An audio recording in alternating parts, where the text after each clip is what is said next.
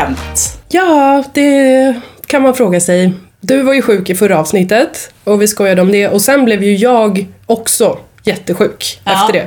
Jag vet och jag vill bara så här, för du har hävdat, jag hoppas att det stämmer, att det inte var jag som smittade dig. Jag tror faktiskt inte det.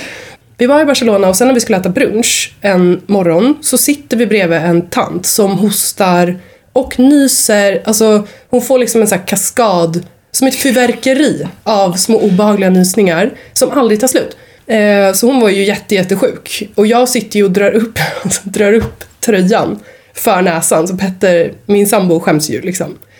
Vad tycker jag är pinsam. Men, du vill signalera till henne att så här, håll dig undan. Alltså jag, Ja, dels signalera men också så här, jag vill genuint inte bli sjuk liksom. Men eh, ja, så att jag fick ju influensan efter det. Och det, men ja, det kanske inte var hon. Det kan ju vara planet eller bara så här att man, Jo, jo. Jag hoppas innerligt att det inte var jag. det tror jag inte.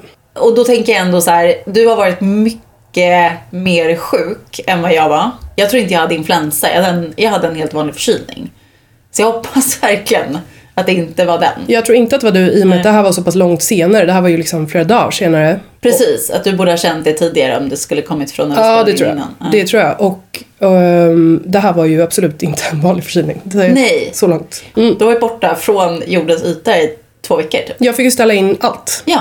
Hela mitt liv på paus. Alltså jag kunde inte säga ett ord utan att eh, hosta. Typ. Fy fan så fruktansvärt när det är sådär. Jättekul har det varit. Det, jag tyckte jättesynd om dig på håll verkligen. För jag har förstått att du har varit så otroligt sjuk. Men jag har inte heller kunnat låta bli att skratta ihjäl mig åt de här smsen. Så här, jag har bara hört av mig för att säga farväl. Det har verkligen återspeglat hur jag har mått. Okej, men och nu är det ändå som att det är nä- nästan är över. Det låter lite fortfarande men det, du mår bättre. Exakt. Vi hoppas att rösten håller här idag. Men jag eh, är ju frisk nu. Men ja, lite hosta kvar och så här. Du har ändå kommit ut ur mörkret. Ja, gud ja. Gud ja. Ja, vi måste ändå ta oss tillbaka då för det var ju det verkligen alltså, så här, jag velat höra om nu i två veckor. Barcelona. Mm. Förutom den här tanten då som drabbade er. Förstörde hela resan. Ja. Nej, nej då. Nej, alltså det, Barcelona var ju toppen. Tack, tack och lov, liksom, tur i oturen så var jag ju inte sjuk där. Alltså det hade ju varit ja, katastrof. så det. Jag hade inte jättetydliga förväntningar på Barcelona. Jag tänkte att det var liksom så här. Man tänker Spanien och så strand, alltså att det är lite så här barnfamiljer och så här köp din tapas och ät en churro. Alltså att det var liksom så här lite... Grankan. Ja, lite semestermys liksom. Men här var ju liksom så här klassdesign, alltså lekfull design överallt. Arkitekturen var helt, alltså när man ser att någon verkligen har haft roligt när de har, jag vet inte, det, var bara, det är en viss vibe liksom, eller hur? Ja, jag älskar Barcelona. Alltså jag, jag var inte beredd på den, den golvade mig helt. Ja. Liksom. För jag hade nog en annan bild. Så att eh, väldigt mysigt och också otroligt god mat. Maten var, ja, vi åt, vi åt väldigt mycket. Men vi gick också och promenerade väldigt mycket. Hängde runt. Ja, ja men en av våra bättre resor skulle jag säga. Det är så härligt när man inte har de där förväntningarna heller och så blir det sådär bra. För det, annars är det ju tvärtom ofta. Alltså man åker tillbaka någonstans som, där man hade det otroligt bra sist.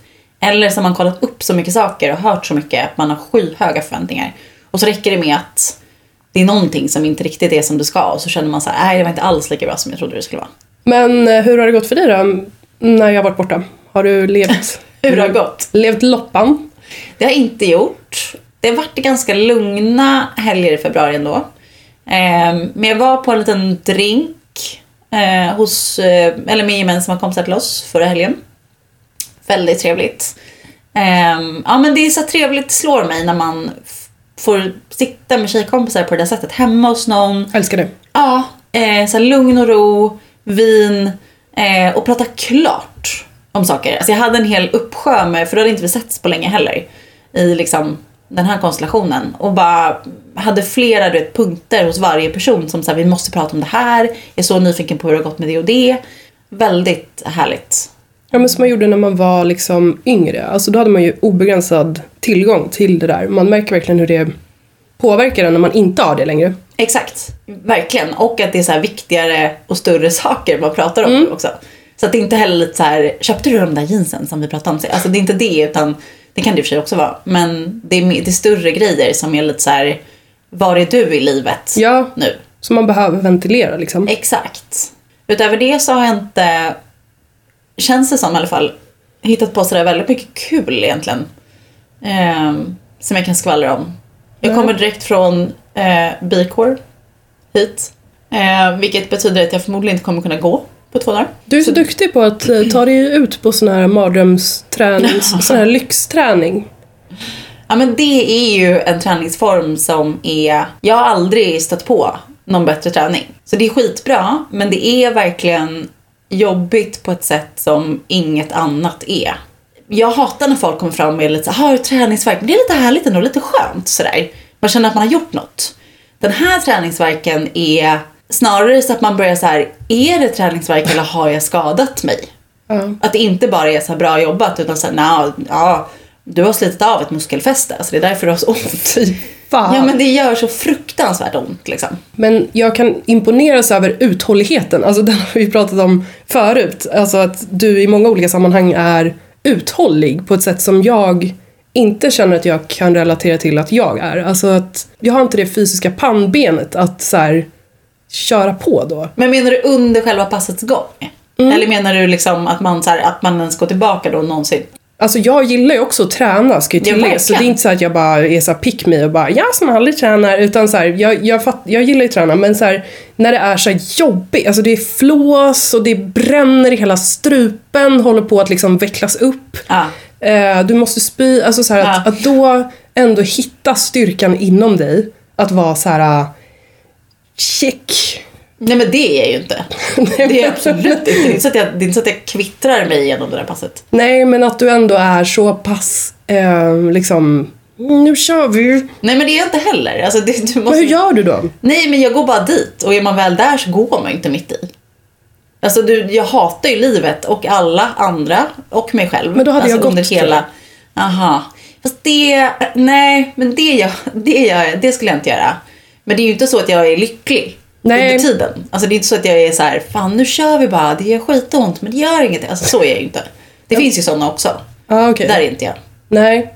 Ja, men jag hade nog bara oj nu ringer det här så, så att jag... Sen liksom... Måste jag kila? Hej hej på er nu. Tack, tack för idag. Verkligen, det, det räcker nu tycker jag. Nej, men problemet är att de också lägger upp det så att man kör en sida i taget.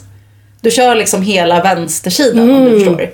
Eh, så att du kan inte riktigt gå heller Just efter det. halva för då, då, då kommer du ju gå, gå runt i cirklar de kommande dagarna för att du bara kan stödja på ett ben. Typ. Vilken slug eh, träningsplanerare. Ja, plus att den här maskinen, är alltså övningarna är ju gjorda på ett sätt så att, för det är en platta på den här maskinen som är rörlig. Nej. Alltså, som inte är stabil. Jo, alltså det är inte så att den rör sig men, men du kan eh, du kan trycka bort den och du kan dra den till dig. Det är så man gör olika liksom, övningar på den här. Vilket betyder att oftast så står du i en position som gör att börjar man slappna av och inte ta i, då ramlar man. Men gud, det är en mördar som en köttätande växt fast en tränings... Och så är det någon koreografi samtidigt. Nej, inte koreografi, men när man tänker så här, nu måste jag bara vila lite. Så inser man att när du slappnar av, då kanske du har ett ben på den här plattan som vill dra åt andra hållet. Så du måste hålla i den med all din kraft. För om du börjar släppa den, då är det ju farbror Melker. Alltså då trillar du ju emellan, för då drar ju ena benet typ. Det är som att man håller på att dränkas du. Ska Ja. försöka andas och bara Ja. blir man nedtryckt. Ja, Gud, kan du uppträda med det här? Alltså får man komma och titta? Absolut inte. Ja, men jag, jag köper ändå grejen att man går dit, det är superjobbigt och sen slipper man. Jag skulle ha väldigt svårt med liksom så här, nu ska vi ut och orientera i fyra timmar och Fy jag gör det några fan. gånger i veckan och då behöver jag inte gå till gymmet. Alltså så här, Orientering. Alltså det händer fortfarande att jag på riktigt, det här är helt på riktigt, att det kan slå mig, att jag kan få en våg av lycka. Mm. För att det kan slå mig en vardag att så här, just det, gud jag behöver aldrig mer liv. det är det bästa med att vara vuxen. Ja. Du slipper skiten. Ja. Och det var abs- absolut topp fem bra grejer med att ta studenten kom. Mm. Jag kommer aldrig mer behöva orientera i hela mitt liv. Nej. Jag och min bästis brukade ju haffa någon klasskamrat, någon stackare i skogen som hade kommit längre och var, ta ett örhänge och bara Just göra det. av. Klassiker. Jag har ju sprungit vilse på samtliga. Ehm, på riktigt alltså. Det låter som något man bara säger, men absolut. Och eh, kommit in, du vet, så två timmar senare när de är oroliga. och bara, vi var precis på väg att ge oss ut och leta. Och våra gemensamma vän, vi orienterade ju ihop och bara tappade bort oss. Alltså vi var verkligen så här, kom ut i ett villområde. pallade varsitt äpple och typ grät. Eh, och sen bara okej vi får, vi får köra fågelvägen tillbaka för det går inte. Eh, vi får följa den här elledningen. Alltså för att då vi vet ändå att den går hela, ja men du vet. Så man kommer fram och är så här mörbultad och typ en kvist i håret och Möts av en polishund typ. typ. Men är det inte helt sjukt alltså, att man gör så här mot barn? Jo. Man skickar ut dem i en så papperskarta och bara lycka till! Ja, men det är som så många andra saker man lärde sig i så grundskolan. Så här, varför då för? Ja. Jag förstår ju tanken. Att du ska kunna använda en kompass, du ska kunna navigera och läsa en karta. Och förstå då så här, vad, vad visar en höjd? Alltså för att ha en sån. Men, men kom igen. Alltså det kommer ju aldrig hända någon. Om det inte är frivilligt att man ger sig ut i skogen och bara har en karta med sig.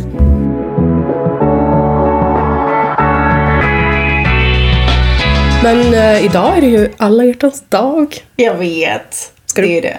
Fixat någon het dejt? Nej, eh, men, men när vi spelar in det här så är det ju inte riktigt eh, alla hjärtans dag än.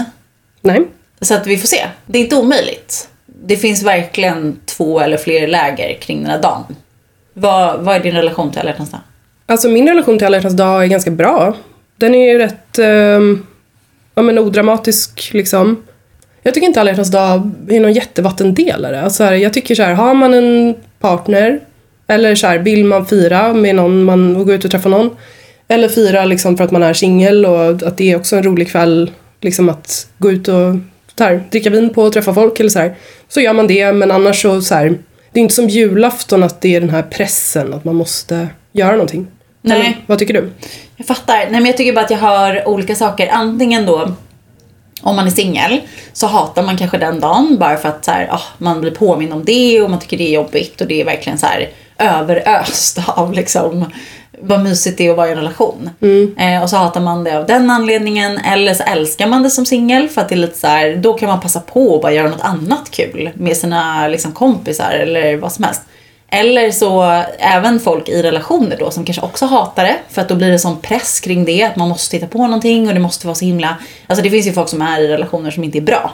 Eh, och då blir man påminn om det om inte annat. Att så här, men vi vill inte titta på saker med varandra för att det är inte så bra. Liksom. Så blir det tydligt av den anledningen. Eh, eller överhuvudtaget att det bara känns så krystat och klyschigt liksom. Eh, eller då de som kör all in och verkligen är så här, vi vill gå till den restaurangen där det är ballonger i taket och hela grejen.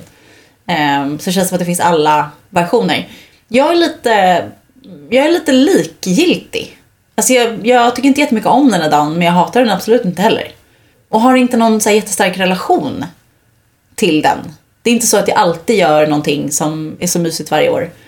Men det är inte heller någon så här jobbig dag. Så känner jag också att det är så här, det är väl mysigt. Alltså jag inget Ja. emot den. Nej. Men jag har heller inget emot bara skita i den. Men med det sagt då, vad har du för plan? Jag har ju tvingat, eh, jag bryr mig inte alls, så har jag ändå tvingat faktiskt, inser jag ju nu när vi pratar, jag har ju tvingat min sambo att eh, ha någon slags uppvaktning. Alltså jag har ju lagt in, jag har inte tvingat, men jag har, jag har ju bjudit in honom till en kalender, en årlig kalenderinbjudning som Ja. heter så här, uppvaktning av Dobby, han kallar mig för Dobby. Varför då? Eh, Jag vet inte. Påminner om en dobermann. Nej, alltså han är Harry Potter, husalfen. Men jag, I wouldn't know. Jag har inte, jag har inte sett. Va? Nej, nej. Du har inte sett Harry Potter? Nej, nej. Det är det sjukaste jag har hört i hela mitt liv. Men Ja. jag hatar ju fantasy. ja, men det gör jag också. Okej. Men Det var eh, inte Harry Potter. Nähä. Eh, men jag ska visa en snabb bild bara så att du... Alltså han är ju en, eh, en slav. Som tar hand om Vilken trevlig referens. Det är så ni har i er relation. Men gud, jag orkar inte. Jag visar en bild. Jag visar en bild på hur han ser ut. Ja. Det är väldigt typiskt er dock. Och Ja. dig. Ja. Ehm, nej men, ehm, så att jag har lagt in en påminnelse till honom, årligen, som han, ändå gullig, som han då följer. Alltså han, han ser ju till att, att lösa någonting då. Så, Är det bara på alla hjärtans dag? eh, Eller ja. ligger den här så en gång i månaden? Nej, nej, det är på alla hjärtans dag. Så att förra året fick jag ett blombud till kontoret. Det var gulligt. Dröm. Och nu tror jag att vi ska äta middag bara liksom. Men det är ju ganska low key. Alltså det är inte så att vi håller på att ge varandra presenter eller alltså. Inte, han kommer inte komma in med frukost på sängen liksom. Nej, det känns rätt jobbigt också. Ja. Ja, Okej, men vad mysigt. Mm. Någonting kommer hända liksom. ja. Ja, supertrevligt. Jag har också hört eh, i någon annan podcast en tjej som ska ha, har du hört Galentines? Mm. Du vet vad det är? Tjej... Eh, Precis. Jag antar att det står för typ girlfriend valentine eller något sånt där. att tjejer firar ihop lite Ja. så här sisterhood grej Exakt. Det lät ju också mysigt. Och skulle ha någon så här galentinesmiddag Jättetrevligt. med tjejkompisar. Ja. Ehm, så det känns bara som att den här dagen har vuxit lite. Man kan hitta på vad som helst liksom. Och det gillar man ju. Ja, och att det bara är en dag, en extra dag då det är tillfälle att typ göra något kul. Ja, men spännande. Ska vi komma in på um, dagens ämne kanske? Eh, att vara ny på jobbet. Mm, Skräckblandad förtjusning. verkligen. Det är ju eh, en stor grej Ja, att börja på ett nytt jobb. ja, Så att vi ville ju ändå dedikera ett avsnitt till det för att det, jag vet inte, det kan vara lite skönt att lyssna på om man ska börja på ett nytt jobb, om man är nervös. Eller ja, bara liksom prata igenom hur man gör det på ett bra sätt. Och det är ju det där. Alltså, det är så, man ska spendera så mycket av sin tid. Det är så stor del ändå eh, av ens liv ju. Hur man har det på jobbet. Och vilka man umgås med och att man trivs. Så det är ändå lite, eh, och det är väl därför det är nervöst. Det blir en ny, en ny era på något sätt. Ja, och det är liksom förhoppningsvis i alla fall så är man ju lite taggad och ser fram emot det. Så det är ju jätteroligt. Men det är klart att det också är nervöst för att man känner liksom att man vill komma in rätt, man vill göra ett bra första intryck, man vill lära känna folk. Allt det där.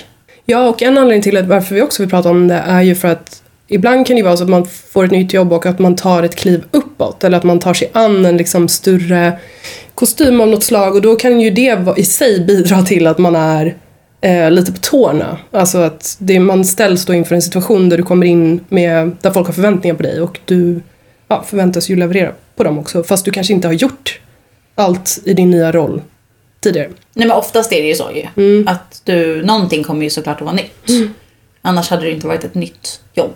Så oavsett om det är liksom nya arbetsuppgifter, nytt större ansvar, helt ny arbetsplats eller inte. Alltså någonting nytt kommer det ju vara. Har du någon särskild gång när du har varit ny på jobbet som du tycker sticker ut? Ja, alltså när jag var ny på så första riktiga jobbet då, när vi pratade om alla våra extra jobb och så första jobb eh, sist. Men första som känns som riktiga, riktiga jobbet sådär. Då, det var ju väldigt speciellt för att där började ju vi typ 25 till 30 personer nya samtidigt. Det är så sjukt. Ja, eh, ja men den typen av arbetsplats där det, det börjar ett helt gäng nya varje liksom höst och eh, vår.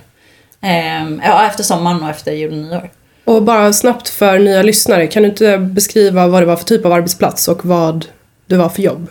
Ja, men då jobbade jag som eh, revisorsassistent. Så ekonomirelaterat, men inte ett controllerjobb som jag har nu. Det är ju få förunnat egentligen att det är så. Det var väldigt tryggt. Nästan som att börja en ny klass. Det fanns en tydlig plan för oss som började som nya då. Med liksom utbildningar och eh, ja, men mycket så här teambuilding, lära känna varandra, lära känna den här arbetsplatsen. Och man hade många i samma båt som man kunde bolla med. Och också uppåt, eh, nya chefer och nya folk man skulle jobba med som hade jobbat längre. Men det fanns liksom tydliga förväntningar kring att vi vet att det är ni som är helt nya. Och det var vanligt att det här var eh, mångas första jobb efter att man hade pluggat och sådär. Det hjälpte tycker jag med liksom den biten att man kan vara nervös över vad förväntas jag kunna? Eh, vad förväntas jag leverera? Hur umgås man här? Alltså hur ska jag lära känna folk? Allt det fanns det en väldigt tydlig plan för. Du har också nämnt innan att det där var en väldigt positiv um, upplevelse ju och du pratade lite om det i tidigare avsnitt och sådär. Men fanns det någonting som var negativt? Var det liksom, kunde du känna av konkurrens eller hårda armbågar eller var det något som var... Ja, du menar så för att man också är så många i samma... Ja. Nej, faktiskt inte. Det, det fanns säkert de som upplevde det så. Man kan säkert uppleva det så. Jag gjorde inte det. Det var inte så den stämningen riktigt. Det är inte så mycket så här, okej, den som har levererat mest sånt här om ett halvår kommer bli befordrad, resten inte. Det är inte riktigt så. Utan det, ja, ja, men verkligen. Men så det minns jag ju för att det var speciell, speciell start, speciellt sätt att vara ny. Eh, som inte liknar resterande eh, gånger jag varit ny på jobbet. Om man säger så. Sen tycker jag att det har varit efter det en blandning av att man absolut känner lite mer press. Eh, just för att det är inte längre så att du är helt ny. Du kommer inte nyexad längre. Du har erfarenhet med dig. Och då finns det också förväntningar. Eh, du har ju byggt på ditt CV. Eh, där det finns förväntningar på vad du nu ska kunna och kunna leverera. Samtidigt som jag också kände senaste gången jag var ny på ett jobb att jag också hade lite det där i ryggsäcken. Att jag kände direkt att jag har faktiskt saker som jag kan plocka med mig eh, och applicera här också som, som jag känner mig trygg i, som jag har lärt mig, som jag tycker är bra och som brukar vara uppskattat. Hur, eh, hur har det varit för dig att vara ny? Första gången var ny, eh, som vi också pratade om tror jag i förra avsnittet, när jag var ny på mitt första reklambyråjobb. Just det, när du var 20 år typ. Precis. Då var man ju lyckligt ovetande kring så mycket. Jag var ganska ovetande om vad jag inte kan. För jag hade liksom ingen helhetsbild än. För att jag var så ung, hade jobbat så lite i, med mig, liksom, inom mitt yrke och inom branschen. Så att den flöt nog bara på rätt så obemärkt. Men däremot när det var dags att byta jobb efter det så började jag på en jämförelsevis i alla fall mycket större, mer väletablerad reklambyrå.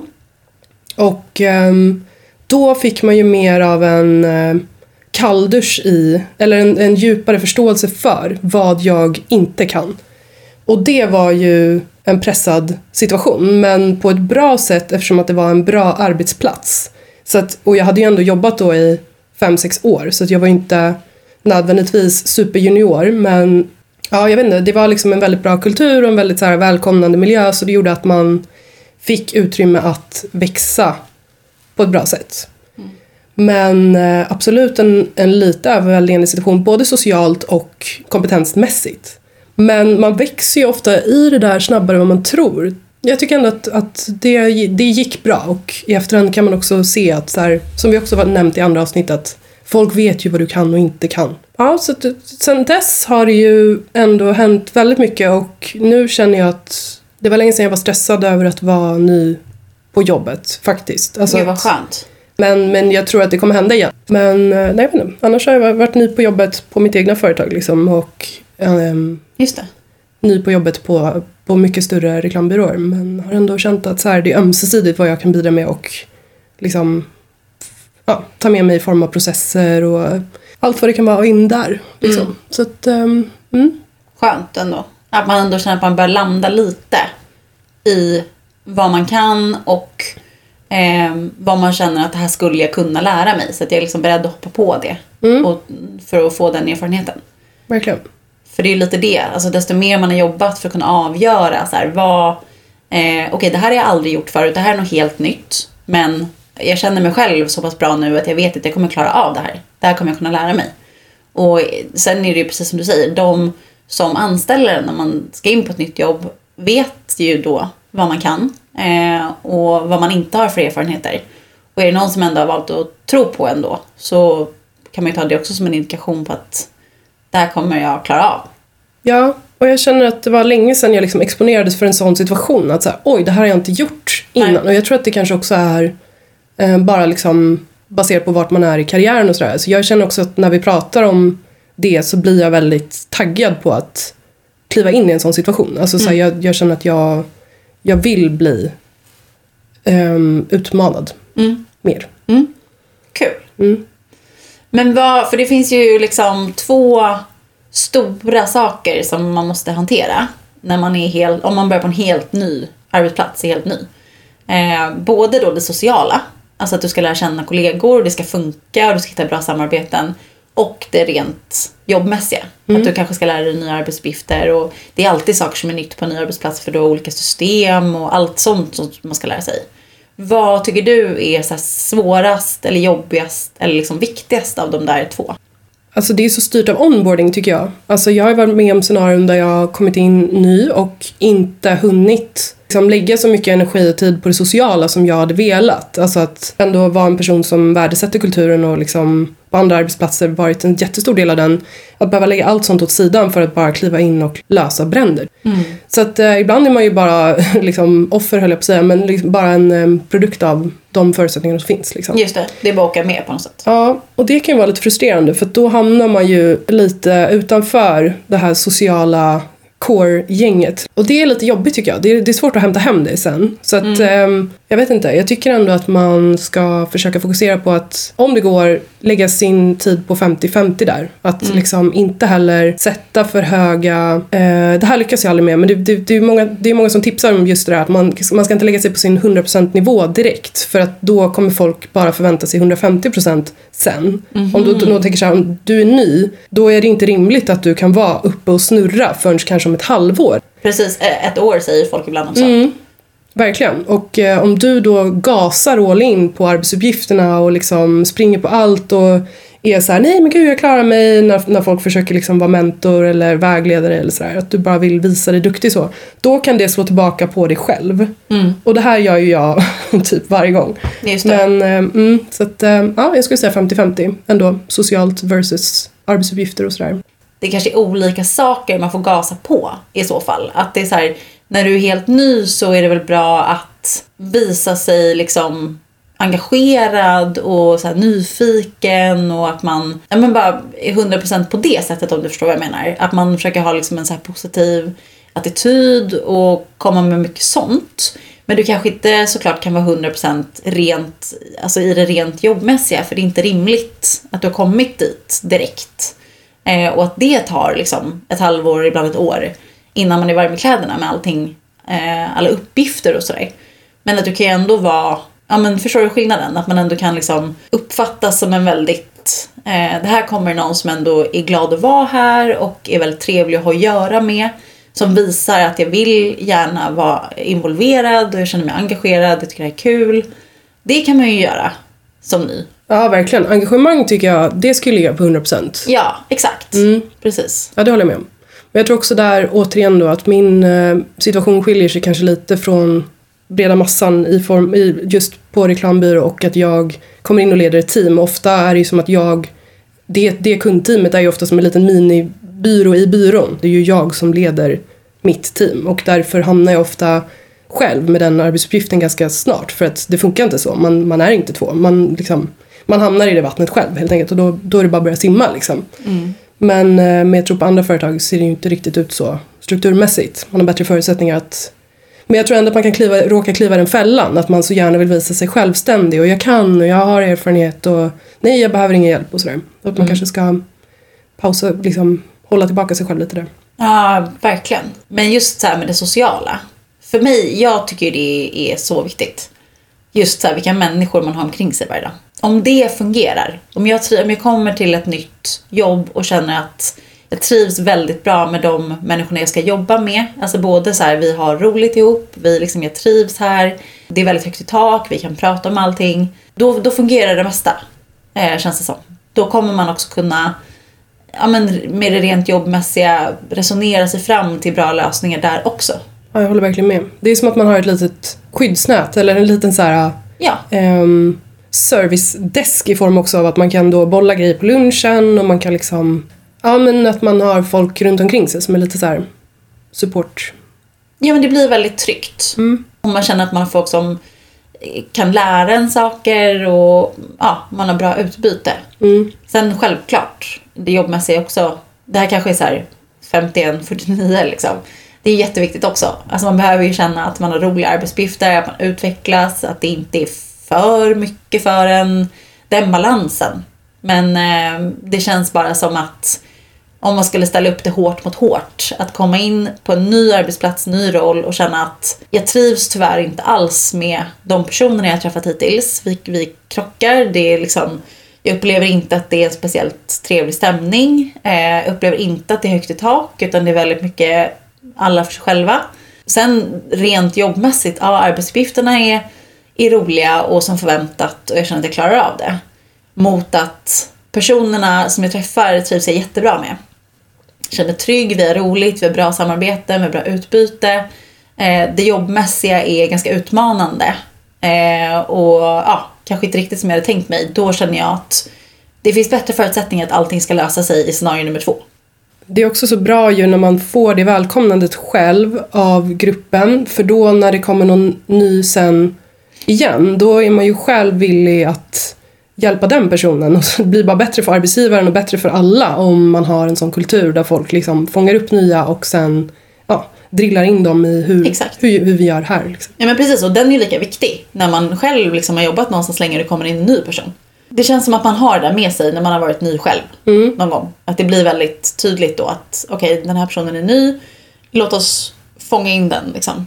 Det är ju ashärligt när man kommer till en ny arbetsplats och det finns en väldigt stark kultur eller väldigt starkt gäng eller något sånt där. Men det kan också vara lite så här intimidating, att man kommer in och är så här oj vad alla var tjenis här. Alltså det kan vara en, man blir lite osäker i den situationen. Men eh, sen när man väl är inne i värmen, då är det... Ja men exakt, och det är skillnad för så kan det ju verkligen vara. Men så länge det är ett gäng där liksom det är väldigt tydligt att alla känner alla men man är också supervälkommen att vara en av dem. Då är det ju då, då är det ju härligt. Alltså då visar det ju bara att här har vi bra gemenskap och alla känner alla. Men är det inte så, utan att det är ganska slutet. Vi känner redan varandra och vi behöver inte lära känna fler. Det är inte så trevligt när Nej. man kommer som ny. Men ibland kan man vara med, eller jag har varit med om ett scenario en gång där man kommer in i en sån grupp och det här är ju kanske den bästa arbetsplatsen jag varit på, alltså verkligen, så det blir jättebra sen. Men att man ändå märker hur de, eftersom de är ett så härligt gäng, observerar en först lite innan de börjar komma fram och liksom bjuder in en typ. Ja. För att, ja, de är lite avvaktande liksom. Och den, Men hur tog det sig uttryck då? Alltså på vilket sätt känner de sig fram? Alltså jag, jag tycker det tog sig uttryck i att det var en ganska introvert energi mot när någon ny kommer in. Alltså att man kunde se hur de satt och hade väldigt trevligt i början. Men det var inte så att folk kom fram till en skrivbord och var så här Hej, vad kul du är ny. Så här, några gjorde det, men absolut inte alla. Men eh, det fanns ju inget ont i det och det var ju liksom inget som jag led av. Men det var ju också för att det blev så bra sen. Mm. Men ja, men bara li- lite så avvaktande energi. Inte så pladdrigt utan lite mer så här, jag vet inte, tillbakahållet. Men som sagt, det var ju det, det var ju sen det gänget som blev det här tajta AV-gänget som jag har pratat om i flera avsnitt. Så att Just det. det blev ju hur bra som helst. Ja, skönt. Mm. Ja, men det bara slår mig när du berättar det där. Det här var ju jättemånga år sedan, men på tal om när man inte känner att det är så här öppna armar. När man sitter i ett rum och märker att de andra, typ alla andra, har en så här chatt igång. Nej men. Inte, inte på något sätt så om en själv. Men man märker att folk skrattar på samma, vid samma tidpunkt. Ja. Och alla reser sig också upp i samma veva för att gå och hämta kaffe. Gud, Förstår du? För att det är Ja, ja. uppgjort i den här chatten att vi går och hämtar kaffe. Ja, vi gör det. Och så reser sig alla upp och går. Så ont i Och magen. man inser att man inte är en av de som är med Ja. i den där. Då, det, känns, då, det känns inte hundra. Jag har också varit med om att så folk pratar om en så födelsedagsfest väldigt mycket. Liksom i flera olika tillfällen. Bara vad kul den här liksom, någon fyller jämt fest typ. På jobbet också. På jobbet när jag Ja. var ny. Och sen så var det någon som bara, men ska du gå? Och jag bara, nej, jag är inte bjuden. Och de bara, nej, nej. Typ den enda, alltså den, på riktigt den enda typ som inte var bjuden. Nej men... Men var det då en fest som hade bjudits in till innan du började? Att de liksom har glömt att det Säkert. tillkommit en person? Ja. Säkert, men, men det har ju ändå efter det liksom uppdagats ganska många liksom, tillfällen när man hade kunnat bjuda in. Just det. Ja, men det här är inget jättetrauma för mig heller. Alltså, Nej. det var lugnt liksom. Ja, och jag väljer att utgå ifrån att det säkert inte... Vi, när, det, när det är sådär, alltså som det jag beskriver och det du beskriver, att det inte är gjort med eh, en illvilja för att så här, exkludera någon. Nej, det hoppas jag verkligen inte. Nej, nej. Men man kanske ändå ska vara, verkligen så här, slå in öppna dörrar, men man kanske ändå ska vara lite, det händer ju uppenbarligen eftersom både du och jag har sådana erfarenheter också, lite extra uppmärksam på de där sakerna. När det är ny med. Det gäller ju alla sociala sammanhang i och för sig. Men att, du vet, man, så här, nu pratar vi verkligen väldigt internt och vi refererar till saker som den här personen omöjligt liksom, kan ha en, en relation till. Eh, eller typ, ja, vi, vi bjöd in till den här AWn för länge sedan. Vi glömde bort att just det, det när, när börjar en ny person på måndagen och vi ska göra det här på fredag. Kom ihåg att liksom gärna flagga upp för den personen också då. Så att man inte så här står där på kontoret på fredag eftermiddag och så här, gud vad trevligt det ska bli, vart skulle vi gå nu igen? Nej, det ska bli så roligt alltså. Så länge sedan vi pratade och så sitter det någon och är lite så här, nej jag har inga planer i helgen. Alltså, Ja, fy, det är. Jättedumt, ja. Det är jättehemskt. Och ja, precis. Man, man har ju själv gjort sig skyldig till att var den med födelsedagsfesten också. Alltså jag tror absolut att jag har gjort tusen sådana grejer genom åren, både i skolan och nu. Liksom att man, det är lätt att glömma liksom. Ja, men exakt. Men det blir ju, eh, om inte annat blir det tydligt vid de där tillfällena då. Att liksom man märker av att just fan, vi har liksom missat att det tillkommit en person. Ja. Om inte annat så här, bättre sent än aldrig. Att liksom verkligen så här, du ska självklart med här. Verkligen. Man vet ju själv hur mycket man uppskattar det liksom. Ja, Men ja, det kan vara kämpigt alltså om man, på tal om introvert energi, om man är lite mer åt det introverta hållet så är det ju verkligen, det är ett stort projekt att vara ny på jobbet. Ja men verkligen. Men det har vi pratat om i tidigare avsnitt också. Kring att så här, man behöver väl inte heller haka på precis allting heller. Tycker man inte att de sammanhangen är speciellt roliga och man inte är bekväm.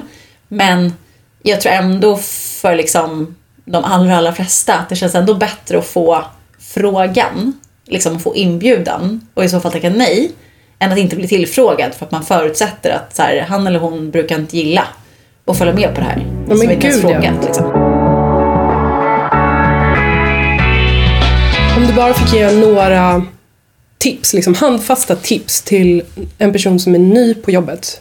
Det känns som att det ekar lite från tidigare. Det känns som att jag har sagt det här förut. Men jag tycker verkligen att den är så himla viktig. Och det är också för att jag vet att jag själv varit ny på jobbet sammanhang har missat det här. Och hur dumt det kan bli. Att våga verkligen vara liksom tydlig med det man inte förstår. Alltså att inte vara rädd för det. Eh, ställ de så kallade så här, dumma frågorna i början. Eh, om inte annat så är det mycket värre att vänta med att ställa dem tills det har gått ett år. För då, har, då förväntar sig alla att du ska ha plockat upp det där redan. Eh, det är ändå den chansen man har som helt ny. Att faktiskt, så här, det är inte så konstigt att man inte har hängt med på allting, att man inte kan allting. Eh, man sätter en rimlig ribba för sin egen prestation. Eh, om man ändå ger dem runt omkring liksom, en liten så här, indikation på var man befinner sig. Det tycker jag är jätteviktigt. Det är väldigt bra överlag att inte vara så ängslig. Alltså var inte så ängslig för att fråga och var heller inte så ängslig för att typ testa och vara så här. jag gjorde så här, är det fel? Eller är det Exakt. rätt? Våga vara lite orädd. Om man ändå är lite ängslig och tycker att man, om man tycker att man frågar för mycket, då kan man ju försöka liksom samla ihop sina frågor under dagen och sen försöka hitta ett forum med, om man har en chef kan man ta det med den eller om man har fått bara med en kollega, att man samlar ihop det och är såhär, du, har du tio minuter den här tiden så kan vi gå igenom dem. Ja, och om någonting så kan man väl försöka och inte, det är inte alltid det går heller, men, men att inte upprepa så många frågor då. Alltså att an, anteckna, skriv långa, långa instruktioner till dig själv Ja. av allt man får svar på. För då kan du alltid gå tillbaka. Det är faktiskt jättebra tips. Att skriva sin egna lilla onboarding. Exakt, ja men verkligen. Jag har fortfarande sådana Ja, ja, listor som jag går tillbaka till. Jag med. Det är jättebra och det är jättebra också för eventuellt senare tillfällen om man ska lämna över vissa saker till någon annan. Så antingen om man ska lämna eller om man bara ska byta roll eller lämna ifrån sig vissa uppgifter. Så finns det mer eller mindre redan någon form av eh, beskrivning. Liksom. Nej men och sen det är väl inte ett, det är inget tips men mer som en så här. Jag kom på det att liksom gud vad man är trött.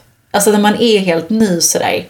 Eh, säg att man har börjat på en måndag. Alltså lagom till fredag kväll är man ju helt slut ofta. Eh, av alla, liksom, både det sociala då, det är så mycket nya intryck, så mycket nya människor man har träffat och velat hälsa på alla och vara trevlig och eh, liksom utåt, framåt. Eh, men också du vet att bara sitta och lyssna och ta in ny information i en vecka. Man blir helt, helt slut. Fredagen den första veckan klockan tre, då slår man ju över från typ så Flanders till liksom dödsrelikernas 98-åring. Man glömmer bort det där varje gång. Man måste, eh, som sagt det är inget tips, men mer att så här, det är inte så konstigt om man känner så. Nej, och ett, ett tips är väl i och för sig liksom att så, här, så, så boka inte in så Exakt. jävla mycket den där första veckan. Nej men ha inte så här, jag ska också flytta helgen efter eller någonting. För det, det? kommer ju sluta med att man inte Ja. kommer iväg. Nej, Alltså, nej, nej, nej. Nej, fy. nej, och inte heller liksom, jag har min 40-årsfest där på lördagen. Alltså, inget sånt stort jobbigt. Nej. Eh, vad, vad har du? Vad skulle du säga? De stora penseldragen har, har ju du gått igenom här nu. Men eh, jag tycker att det kan vara trevligt att skicka ett litet hej-mail. Mhm. Inte, eller så här, jag, jag kände när jag sa det att så här, nu, på tal om öppna dörrar, det här känns väldigt basic. Men du gör alltså inte det? Nej. Nej? Nej, det här är nytt för mig. Jag tänkte, snarare hej då-mail, alltså när man lämnar en arbetsplats. Det är vanligt tycker jag. Men jag har aldrig, tror aldrig jag fått ett så här, hej jag är ny. Vill Okej. du bara presentera mig? Ja, jag tycker i alla fall att det är trevligt. Jättetrevligt. Ja, speciellt kanske om det är ett lite mindre, eller liksom att det inte är så här 250 personer som jobbar eller sådär. Eh, framförallt, ju mindre företag desto viktigare med, med hej-mailet tycker jag. Att bara vara lite så här, hej det är min första dag idag, och liksom något kort om sig själv typ. Se fram emot och snacka med er alla. Jag tycker att det sätter en, det öppnar upp för att folk ska ja, men komma fram och hälsa eller sådär. Mm. Och att det um, gör att, på tal om att vissa är lite mer observerande mot nya personer i början så får ju de också en liten försmak av vem man är. Man kan Jo. skynda på den processen. Du menar då som sagt desto mindre företag desto mer rimligt typ? Eller Mm. så här, ja. Jo men det kan jag hålla med om. För jag tänker ju direkt på så här, lite större företag där det är väldigt många som jobbar. Jag förstår ju att så här, då får man kanske hålla sig till sin avdelning eller när, ja, närmsta liksom. Ehm, annars tycker jag att det här brukar komma upp ganska naturligt på första gemensamma mötet. Som man ändå har med jämna mellanrum. Att då får ju de som har tillkommit presentera sig lite. Så man får ett ansikte på en person. Ehm, men eh, inget emot Nej, jag tycker de det är trevligt. hej-mailen heller. Version två av hej-mailet om man jobbar då på ett större företag, till exempel min senaste arbetsplats nu, då, då bokar man ju upp kanske ett liksom, möten med alla i sitt team första veckan är ju en bra första arbetsuppgift. Liksom. Oavsett om man blir ombedd att göra det eller inte så kan det vara trevligt att bara vara så här, boka en liten one-on-one med folk, en kvart. Bara för att säga hej och vara lite så här, det här är mina liksom, tankar om Ehm, vad jag ska åstadkomma när jag kommer in och sen också höra så här, vad har du för utmaningar i din roll, i ditt dagliga jobb och hur kan jag hjälpa till och bidra till dem? Exakt så. Jo men det håller jag med om. Det brukar jag också, det har jag också alltid gjort när jag varit, när jag varit ny någonstans. Att man får, eh, antingen frågar man efter det, liksom vilka är de viktigaste kontaktpersonerna som jag kommer ha mycket att göra med, de vill jag gärna träffa. Eh, så första veckan om det är möjligt. Just precis som du beskriver. Man tar liksom en halvtimme, presenterar sig och bara lite så här. Eh, vad, kommer, vad har du behov av från, från min sida? Vad har du haft kontakt för, med den personen som hade det här jobbet tidigare? Eh, vad har ni haft för liksom, utmaningar? Vad kommer, ja, alla de där sakerna. Både få ett ansikte, träffa någon och få en känsla för vad behövs. Liksom. Eh, det är väl superbra. Och det brukar man ju, om inte annat, kunna fråga liksom, sin närmsta chef eller något. Så här, vilka är de viktigaste för mig att träffa nu i början? Och sen så går det där vidare till att de kanske också är så här, du borde träffa honom eller henne eller sådär. Det är väl jättebra tips. Har du några mer tips? Nej. Nej. Gör man det där, då är man hemma. Då klarar man allt. Allt. Mitt sista minitips är att inte ta med sig matlåda första dagen om du gör det. För att antingen så hakar du på, det är alltid någon som ska ut och äta lunch. Eller så är om alla alltid går ut och äter lunch. Då kommer du få sitta och äta den där Ja. trötta lådan själv. Så Jag det, fattar. den tycker jag är smart. Precis, exakt. Det har vi inte pratat om. Men det är sant ja. Alla sådana liksom, alla såna där rutiner egentligen. För det är omöjligt att veta första dagen. Det märker man ju allt eftersom. Hur folk gör med lunch och hur man själv vill göra med lunch. Alltså hur man så här, ska hantera det. Det kan ju vara allt möjligt annat också ju. När kommer folk på dagarna? När går folk på, på eftermiddag kväll? Ehm, det, finns ju, det finns ju de också där de allra, allra flesta går iväg och tränar på lunchen. Så att man är borta två timmar och sen sitter folk och jobbar lite längre. Ehm, Allt sånt där måste man ju lära sig bara. Mm. Men jag håller med dig om att det är väl bra att kanske vara lite, hålla det lite öppet första dagen så att man kan haka på eh, och komma in i hur alla andra gör. Det beror väl också på hur stort eller litet det är tänker jag. För är Verkligen. det stort så finns det alltid ett gäng som gör, alltså man hittar ju alltid någon eller några man kan haka på som vill göra lite som man själv.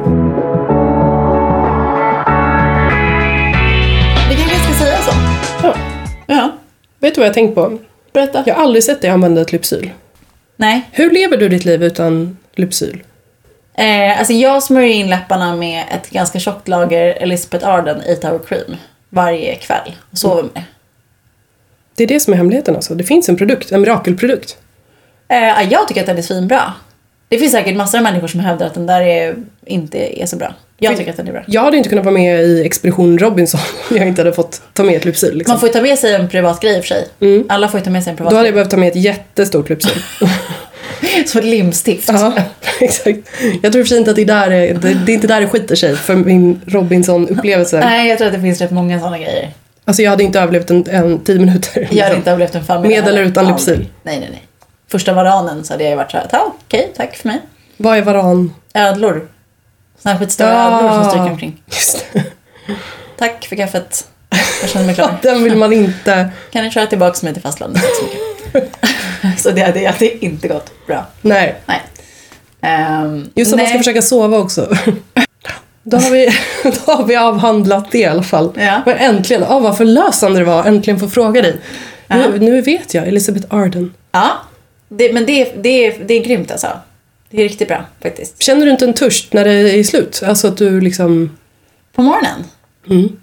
Nej. Men däremot märker jag om jag inte dricker tillräckligt med vatten, vilket händer varje dag ungefär. Då kan jag ju känna alltså, att jag torr om läpparna. Det blir frasigt. Ja, typ. Nej, men Frasigt liksom, är det fulaste ordet som finns. Speciellt om man pratar om hud. Det känns inte alls härligt. Eh, så här frasig. Hud eller hår? Frasiga läppar. Nej, nej, precis, verkligen. Ehm, men det ska ju vara en, indikation, en direkt indikation på att du är lite uttorkad. Mm. du börjar känna dig torr om läpparna. Så jag tror att det är, kanske är snarare min reflex då också. Att börja känna mig torr om läpparna, då, då dricker jag ett glas vatten. Mm. Nu låter jag som en slags otrolig människa. Ja, som, verkligen. som, ja, jag vet, det är inte så. Men typ de som säger istället för att ta en Ipren försöka lokalisera vad det är som gör att jag har ont i huvudet. Så löser jag det istället. Man bara, okej. Usch, ja. Vad bra. Ehm, det var inte så jag menade. Men, men jag tror att vad det gäller just den grejen så går jag inte till Lypsyl. Du vet att Lypsyl också är ju, det beror på vilket man använder. Om det bara är ett samlingsord för alla grejer man kan ha på läpparna så är det en sak. Det har ju blivit ett sånt ord ja. Det varumärket. men jag tror att det är mycket salter och skit i det där också som gör att det torkar ut ännu mer. Mm. Jaha, men ehm, kul. Men för en gångs skull så vet vi ju vad vi ska prata om nästa gång. Nu har vi bestämt det. Presentationsteknik. Ja men exakt. Det kändes som att vi ehm, hade kunnat prata så mycket längre om det när vi kom in på det i något tidigare avsnitt. Presentationsteknik och kanske också lite, är jag nyfiken på att höra hur du gör i alla fall, så här, hantera nervositet som ju ofta kommer i samband med eh, presentationer eller större saker. Eller då ni på jobbet för den delen. Mm. Det ska bli kul att prata mer om. Ja, verkligen.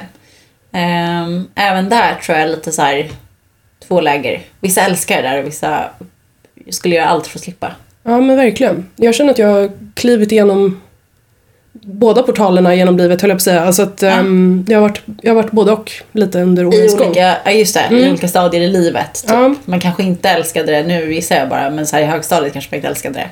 Men numera är det ganska kul. Så känner jag också. Men det tar vi då. Mm. Och då eh, kanske du är ännu friskare. Ja, det hoppas, vi hoppas att jag inte är sjukare i alla fall. Eller att du blir smittad igen. Nej! Precis, varannan är Sjuk, bara... sjuk, sjukdomspodden med Jossan och Johanna. Verkligen. Men då är det den 21 februari. Jag Helt tittar inte på mig. Blanda inte in mig. Nej men verkligen. Så då är det ju verkligen nästan mars. Mars är ju första vårmånaden. Mm. Första våfflan. Så, Ja, du hörde mig. Nu var det vad jag sa. Första våfflan. Just det. Ja, ja. Eh, det är ganska sent i mars i och för sig. Ehm, kommer du ihåg att jag dejtade en kille som fyllde år på våffeldagen och att du bara, det säger allt? Ja, vem, du måste berätta sen vem det var. Mm. Vi kanske ska intervjua honom i podden. Ska vi absolut göra. Det hade varit kul. Nej, nej, nej, herregud. Men eh, presentationer och eh, vårkänslor om en vecka. Mm. Vi ses eh, nästa onsdag. Det tycker jag. Puss och kram. Puss och kram.